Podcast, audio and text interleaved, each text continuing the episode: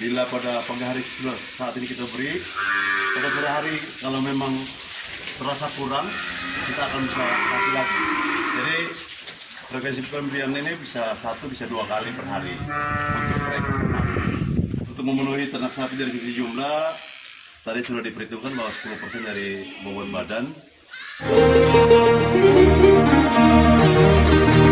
Wah, keren.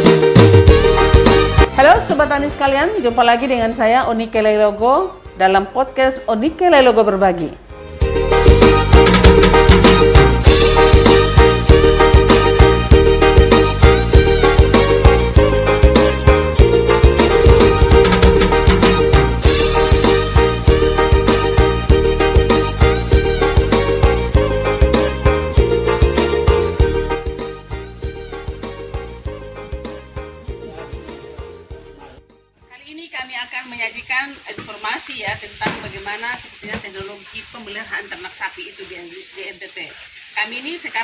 Berada di uh, IP2TP Lili yang uh, sudah menjadi stasiun uh, untuk ya siapa saja boleh datang sini untuk belajar tentang uh, teknologi pemeliharaan ternak sapi. Karena di sini juga ada juga tentang pakan, segala jenis pakan ada di sini. Tapi kali ini kita akan uh, fokus ya untuk teknologi pemilihan ternak ini karena di dalamnya kan ada pasti ada pemilihan uh, sapi untuk kita pelihara itu yang seperti apa.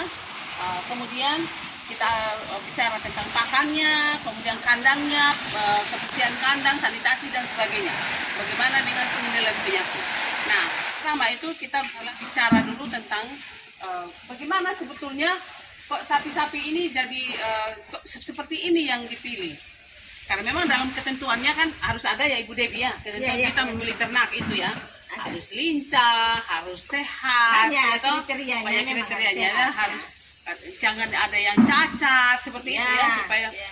Uh, mungkin waktu kita beli itu kita juga sudah tahu ya dia nafsu makannya seperti apa ya Pak Dule sehingga di sini ini kebetulan sekali kami ada di sini Pak Dule ini ada berapa ekor ya di sini ya 36 ekor. Nah, 36 ekor yang dipelihara tadi kita uh, nanti kita akan lihat ya seperti apa di dalamnya. Nah, sekarang uh, kalau kita sudah tahu uh, tadi bahwa harus pemilihan uh, sapi bakalan yang kita mau pelihara itu ya seperti itu tadi Ibu Devi ya harus yang terutama dia harus sehat. Waktu kita beli di pasar kita juga harus teliti dengan baik ya, ya harus sehat.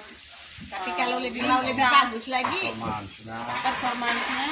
Uh, katanya mata. Mata semua kita lihat ya kelihatan ya kalau baik. Tinggi tinggi badan. Tinggi badan panjang hmm. badan lebar badan. Tinggi badan badan itu biasa standarnya satu koma lima kemudian satu sepuluh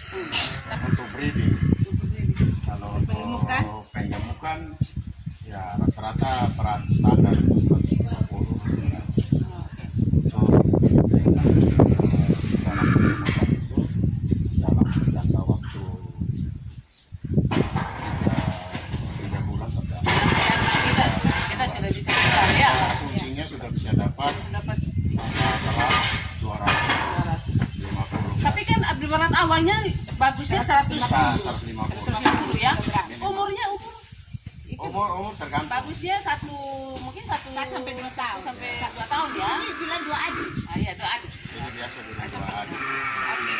Tapi satu lagi Monika yang paling penting sebenarnya dalam pemilihan ternak kalau kalau kita bisa dapat sejarah dari itu sendiri misalnya dari daerah mana walaupun kita beli di pasar gitu hmm. kalau dapat sejarahnya akan kita tanya akan ya. bagus ah. nah, karena kita akan mengetahui kondisi pakan di daerah asalnya dan kondisi yang ini akan lebih bagus ya oke sekarang ini kita mau bicara tentang pakannya yang jelas pakannya Ibu Dewi Pak Dule itu pasti ada campuran yang baik, perimbangan yang baik antara rumput dengan legum.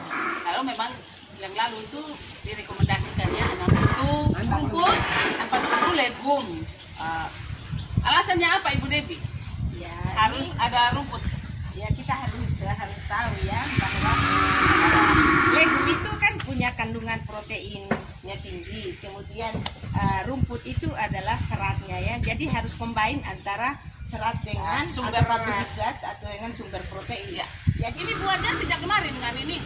Oke. Cacak Nah, kemarin. kemarin kemudian dikasihkan hari ini diberikan yang 10% ya. Iya, tapi ini 10% dalam artian ini tidak ada batang, tidak ada brankas, tidak ada ini sudah benar-benar 10% bisa. Kalau yang kasih hijauan di Yang baru ambil. yang baru ambil itu kan ada batang-batangnya tidak jangan dihitung ya. sapi. Ha, Itu sebenarnya dan itu. Ada kalau hanya kasih rumput sendiri pun Itu kurang bagus kurang bagus juga. karena- Jadi harus ada perimbangan. Jadi sudah ada kan sudah di sini dijelaskan bahwa memang sebaiknya itu ada perimbangan. Tapi bicara-bicara, kira-kira sapi ini kita kalau bicara tentang vitamin seperti apa menurut Ya, Di- vitamin di- pasti di- dibutuhkan, tapi vitamin ini sebenarnya Ya. sudah terkandung di dalam Di dalam pakan yang pakan, ada. dalam ini. pakan? Karena Pak teman-teman di sini juga untuk mineralnya mereka ini bahan ini sudah dicampur sudah ada garam. Ah, sudah ter- Ah, terpenuhi ya dari sini. Nah, tapi ada kan ada yang bertanya kira-kira eh, sapi itu berapa kali bagusnya disuntik dengan vitamin seperti itu. Bisa untuk uh, kalau ada itu bisa sebulan sekali. Sebulan sekali kan? Vitamin. boleh ya?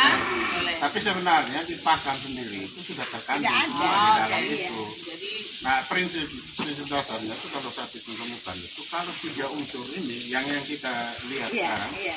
tiga unsur ini yang tadi saya sebut itu protein energi sama serat itu sudah terpenuhi sudah tuh di Sudah, itu terkandung semua Tapi bisa dilihat dari Nah, performance kenapa ternak. itu apa tidak disarankan misalnya lantoro, continue lantoro. Itu sama sama seperti kita buang. Ya, tadi kan seperti yang- dibilang ya, makanan yang itu. Mubazir dia mubazir ya ya, dia tidak dapat serat. ah tapi tidak Nah, di dalam rumennya itu kan dia akan Iya. ini, dia butuh serat, terus Iya. energi. Dia hanya dapat protein sah. jadi Oke. intinya Makanya- jadi makanya- intinya Makanya kadang-kadang kalau dikasih ya, lam toro itu, apalagi lam toro yang masih muda ya, Ya. itu akan kelihatan dia akan mencret. Dan Ah. bulunya tuh Ya, bulunya akan berdiri semua. Jadi intinya begini, kalau pakan itu sudah bagus ya, tadi ya ada sumber-sumbernya pro- protein, sumber serat dan sebagainya, itu sebenarnya sudah bagus untuk ternak dan vitamin itu mungkin beberapa vitamin kalau saat-saat tertentu ya, kalau dia dibutuhkannya begitu ya, boleh ya. Oh, yes. Dibutuhkan dan jika ada. Ah, jika ada. Oke. Kalau kalau macam kayak kalau breeding itu dibutuhkan pada saat kalau dia kita suntik vitamin itu pada saat dia melahirkan Saat saat dia melahirkan, nah, melahirkan perlu kita saat bunting bunting bunting bisa bisa. tapi Ini kayaknya hampir sama dengan manusia ya. Ah, iya, oke. Untuk memenuhi ternak sapi dari sisi jumlah, tadi sudah diperhitungkan bahwa 10% dari bobot badan. Uh, tapi frekuensi pemberian pakannya uh, itu uh, kita lihat dari kondisi uh, ternak mengkonsumsinya. Bila pada pagi hari saat ini kita beri, pada sore hari kalau memang terasa kurang, kita akan bisa kasih lagi. Jadi frekuensi pemberian ini bisa satu bisa dua kali per hari. Oke.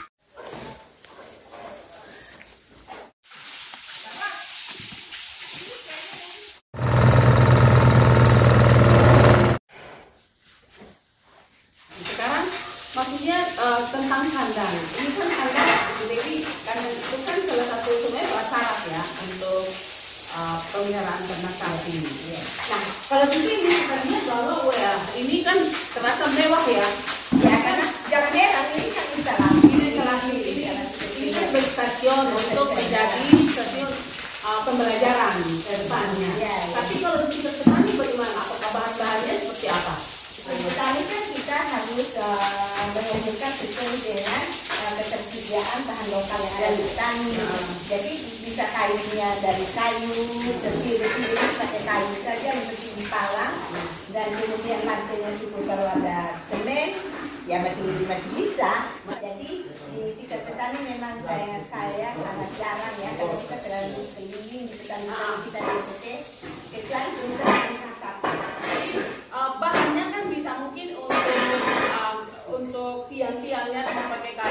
dari kayu kayu pula, kelapa. kayu pula, kayu gama, kayu kelapa, Kelapa bisa ya atau uh, gewang bisa ya. Kemudian atapnya bisa juga dari daun kelapa, dari ya. daun dewang, Daun buah, Heeh. alam-alam. Apa lantainya bagaimana? pakainya Ya tergantung petani. tergantung petani. Kalau mereka? Tapi misalnya lantai kasar gitu sebenarnya, tapi kalau ada juga yang masih dengan lantai lantai tanah ya. Masih Tapi, tetap. tapi yang penting adalah bahwa dia harus dibersihkan kan setiap hari. Iya. Cuma kalau kita lihat di Amarasis itu kan mereka kan tidak pakai lantai semen ya, mereka pakai lantai tanah. Jadi tumpukan eh, berangkas dari sisa-sisa makanan itu mereka indah di situ dan itu juga Oh, dipadatkan menjadi padat. dan akhirnya tidak tidak becek juga ya, tapi semakin tinggi. Tapi sebaiknya kita anjurkan supaya itu dibersihkan. Jadi itu jadi kompos langsung. Iya. Itu jadi kompos. Uh, uh. Kemudian uh, apa ya? Oh, tempat tempat pakan, tempat pakan. Kalau di sini nih kita lihat ya di itu uh, bagus ya. Uh, tapi mungkin kalau di sana itu mungkin dari papan ya, dari Nah, papan. dari ini kulit Tapi papan. itu butuh satu ekor sendiri tidak mereka tidak berebut ya.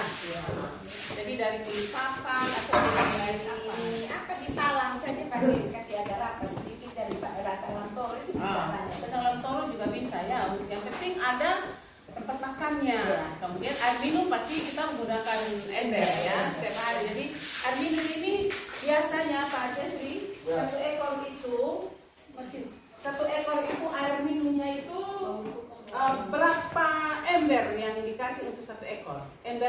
Ini ukuran berapa liter ya? 20 ya. Ya. Ah, itu biasanya berapa kali dikasih itu? Dia eh, prinsipnya dia aktivitas setiap Iya. Satu itu. Ah, yang artinya dia tetap stay di kandang. Air minum tetap ada. Ah, nah, jadi terserah dia mau minum kapan, Kapan ya, yang penting ya. airnya tersedia. kosong langsung saja. Ya. Nah, itu untuk air minum. Yang jelas bahwa dalam kandang itu harus tersedia nih tempat pakannya, kemudian Air eh, minumnya. harus tersedia. Tapi ada juga yang saya lihat ya, ada yang mereka menggantung itu Garam. eh, garam, Garam garam bata. bata.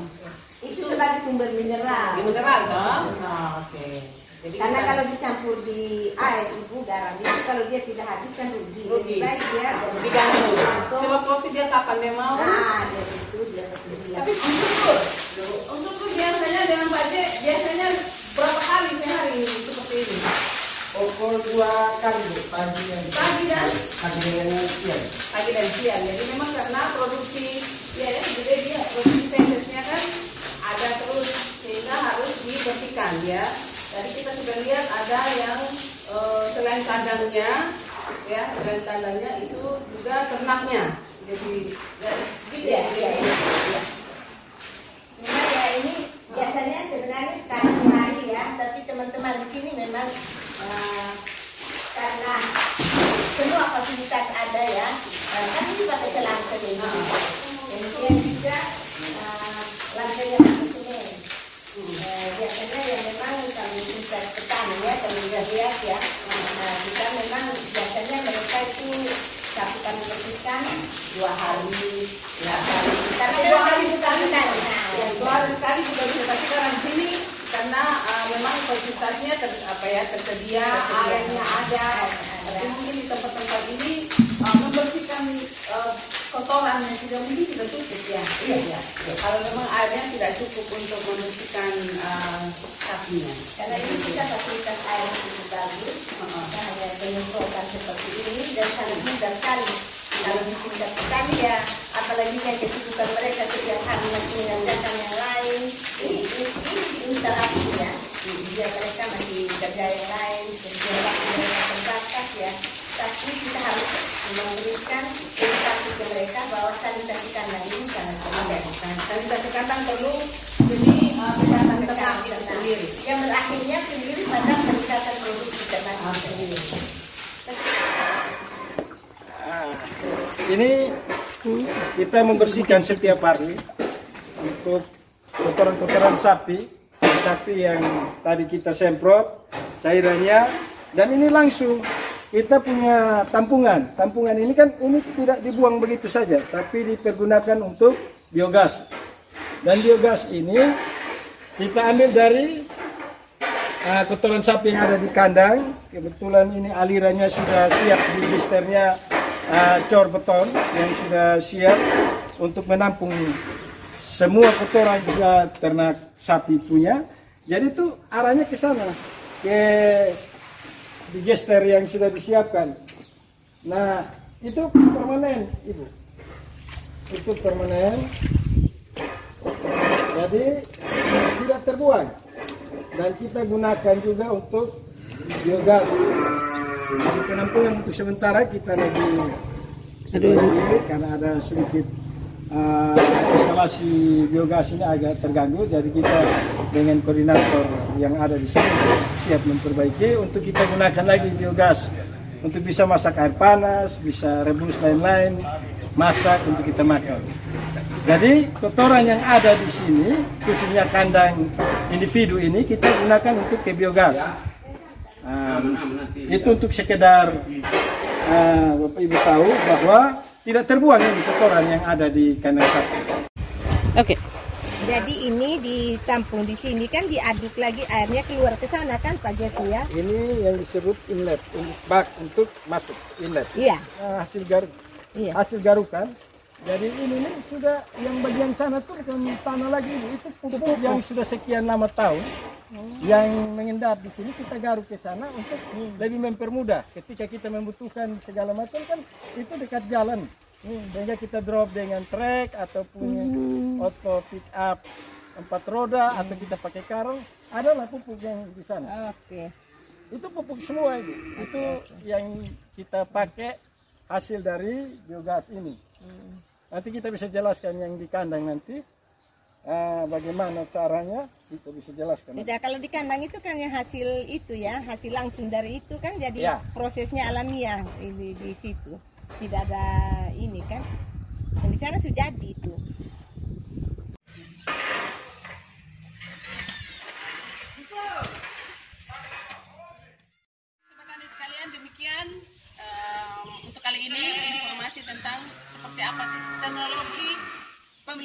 Ternak sapi itu. Tadi kita sudah jelaskan mulai dari bagaimana pemilihan sapi bakalannya, baik itu untuk penggemukan ataupun untuk Breeding. breeding. ya.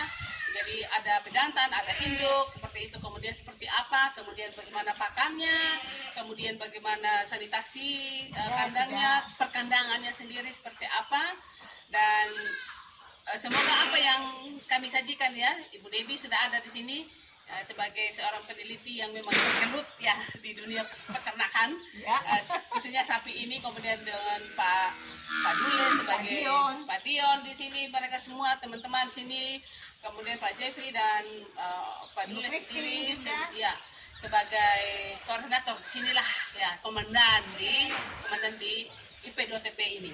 Semoga apa yang kami sajikan kali ini bermanfaat eh, bagi Bapak Ibu semua, sobat tani sekalian di mana saja Anda berada.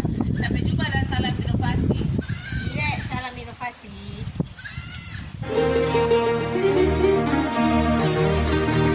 Wah keren nih. Kita